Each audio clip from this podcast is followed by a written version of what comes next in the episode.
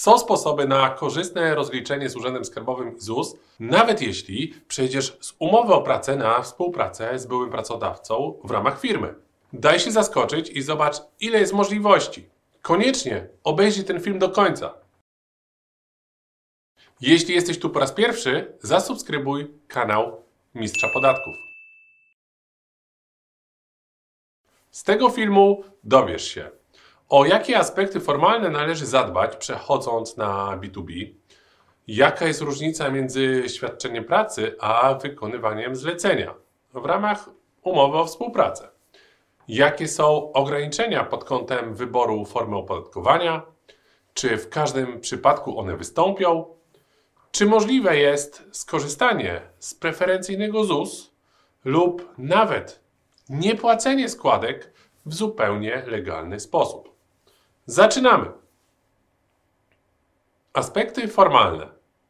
Przy przejściu z umowy o pracę na współpracę w formie B2B wskazane jest, aby nastąpiło to z inicjatywy pracownika, a nie pracodawcy.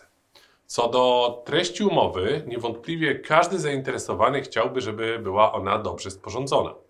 W umowie i przy jej realizacji należy m.in. zadbać o to, żeby wykonywane czynności w ramach tej współpracy nie nosiły znamion pracy. To jednak nie wszystko. Wykonywane zlecenie powinno być w spójności z umową. Być może zastanawiasz się, co z formalnego punktu widzenia rozumie się pod pojęciem stosunku pracy. Jak wynika z artykułu 22 paragraf 1 ustawy Kodeks Pracy, przez nawiązanie stosunku pracy pracownik zobowiązuje się do wykonywania pracy określonego rodzaju na rzecz pracodawcy i pod jego kierownictwem oraz w miejscu i czasie wyznaczonym przez pracodawcę. A pracodawca do zatrudnienia pracownika za wynagrodzeniem. Z kolei, jak wskazuje artykuł 734 paragraf 1 ustawy Kodeks Cywilny, przez umowę zlecenia przyjmujący zlecenie zobowiązuje się do dokonania określonej czynności prawnej dla dającego zlecenie. Doprecyzujmy, że nie mówimy tutaj o umowie zlecenie sensu stricto. Umowa współpracy na zasadzie B2B też formalnie jest nazywana jako umowa zlecenia. Przecież jako przedsiębiorca podejmujesz się realizacji różnych zleceń. Właśnie takie zlecenia w tym przypadku ustawodawca ma na myśli. Podsumowując i trochę upraszczając, chodzi o to, żeby współpraca polegała na wykonaniu zlecenia, a nie pracy pod kierownictwem oraz w wyznaczonym miejscu i czasie. Ale w kwestii sporządzenia umowy współpracy i wskazówek prawnych co do jej realizacji, lepiej skontaktuj się z prawnikiem. Dobrze byłoby też, choć nie zawsze jest to możliwe, gdyby czynności w ramach współpracy na zasadzie B2B nie pokrywały się z czynnościami w ramach umowy o pracę. Dlaczego? O tym dowiesz się już za chwilę. I jeszcze jedna uwaga. Omawiane w tym filmie ograniczenia nie dotyczą sytuacji, gdy wcześniejsza współpraca z daną firmą odbywała się na zasadzie umowy zlecenie czy umowy o dzieło. Współpraca z byłym pracodawcą, a forma opodatkowania. Uważaj na świadczenie usług w ramach tych samych czynności na rzecz byłego lub obecnego pracodawcy, które wykonywałeś w bieżącym lub poprzednim roku, ponieważ w takich okolicznościach dotyczą Cię pewne ograniczenia co do wyboru formy opodatkowania w ramach Twojej działalności gospodarczej. Omówmy to zagadnienie w praktyczny sposób, a za chwilę w jeszcze praktyczniejszy, czyli na przykładzie. W przypadku wykonywania na rzecz obecnego lub byłego pracodawcy tych samych czynności co na etacie, ale w ramach działalności gospodarczej, jeśli jest to ten sam rok, w którym miałeś zarazem stosunek pracy i współpracujesz z nim w ramach działalności gospodarczej, niestety nie masz wyboru odnośnie do formy opodatkowania. Musisz rozliczać się według skali podatkowej. Inaczej mówiąc, w takiej sytuacji nie masz prawa do wyboru podatku liniowego czy ryczałtu. I tutaj kryje się odpowiedź, dlaczego przejście z umowy o pracę na B2B często odbywa się na przełomie roku. Zazwyczaj umowa o pracę rozwiązywana jest dniem 31 grudnia, a umowa współpracy zawierana jest od stycznia. W następnym roku, czyli po roku, w którym został zakończony stosunek pracy, możesz już wybrać podatek liniowy. ale nie możesz rozliczać się na ryczałcie. Dopiero w kolejnym roku możesz wybrać ryczałt. Omówmy to jeszcze praktyczniej i przejdźmy do obiecanego przykładu. Przykład Macieja. Utrwalmy sobie to, co przed chwilą zostało powiedziane na przykładzie Macieja, który pracuje na etacie jako informatyk i przechodzi na umowę współpracy z tym samym podmiotem, czyli byłym pracodawcą. Czynności w ramach jednej i drugiej umowy pokrywają się ze sobą.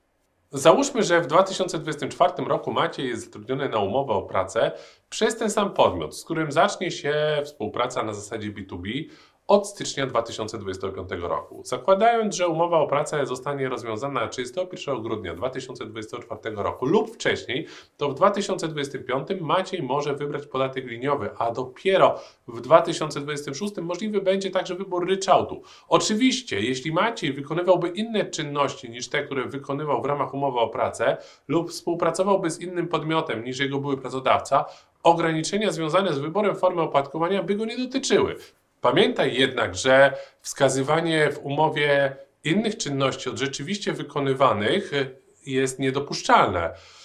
I też współpraca z innym podmiotem nie może przybierać charakteru sztucznego. A teraz może Cię zaskoczę.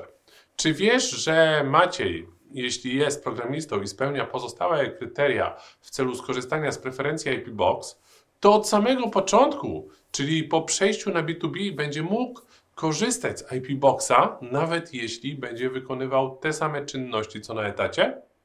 Jeśli chcesz dowiedzieć się więcej o tym, jak płacić 5% podatku dochodowego, to w opisie znajdziesz link do mojego artykułu na temat IP Box. W opisie też znajdziesz link do naszego autorskiego kalkulatora podatkowego, w którym za darmo policzysz, co Ci się podatkowo bardziej opłaca. Skala podatkowa, podatek liniowy czy ryczałt, a może na przykład spółka ZO. Współpraca z byłym pracodawcą Azus. Jeszcze zastanówmy się, jakie ograniczenia w kwestii ZUS miałby Maciej, gdyby założył jednoosobową działalność gospodarczą i współpracował z byłym pracodawcą w tym samym zakresie, co w ramach umowy o pracę. Gdyby Maciej wykonywał takie czynności w tym samym roku, w którym był zatrudniony na umowę o pracę lub w następnym, a tak właśnie jest w naszym przykładzie.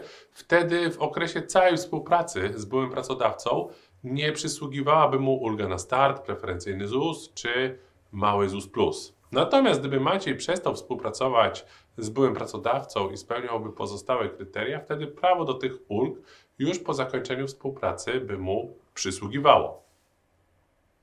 Współpraca z byłym pracodawcą w ramach spółki ZO. Co ciekawe, zawierając umowę o współpracę przez na przykład spółkę ZO Macieja, nawet w ramach tych samych czynności, co były wykonywane przez niego na etacie, ograniczenia dotyczące formy opłatkowania siłą rzeczy nie mają zastosowania, gdyż spółka ZO jest podatnikiem CIT, a nie PIT. Poza tym spółka ZO jest odrębnym podmiotem. Niemniej należy zadbać, żeby wykonywane czynności w ramach tej współpracy nie nosiły znamion pracy.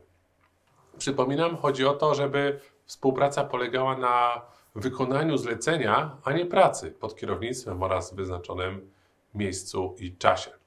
Co do obowiązku płacenia ZUS w co najmniej dwuosobowej spółce ZO, udziałowcy nie płacą składek z tytułu bycia wspólnikiem takiej spółki. Ale to jest już temat na kolejny film. Jeśli chcesz, żebym taki nagrał, daj znać w komentarzu wpisując hashtag spółka. Dziękuję Ci za obejrzenie tego nagrania, a teraz przejdź do opisu i kliknij link, aby odebrać nasz darmowy kalkulator. Pozdrawiam Cię serdecznie. Marek Golec.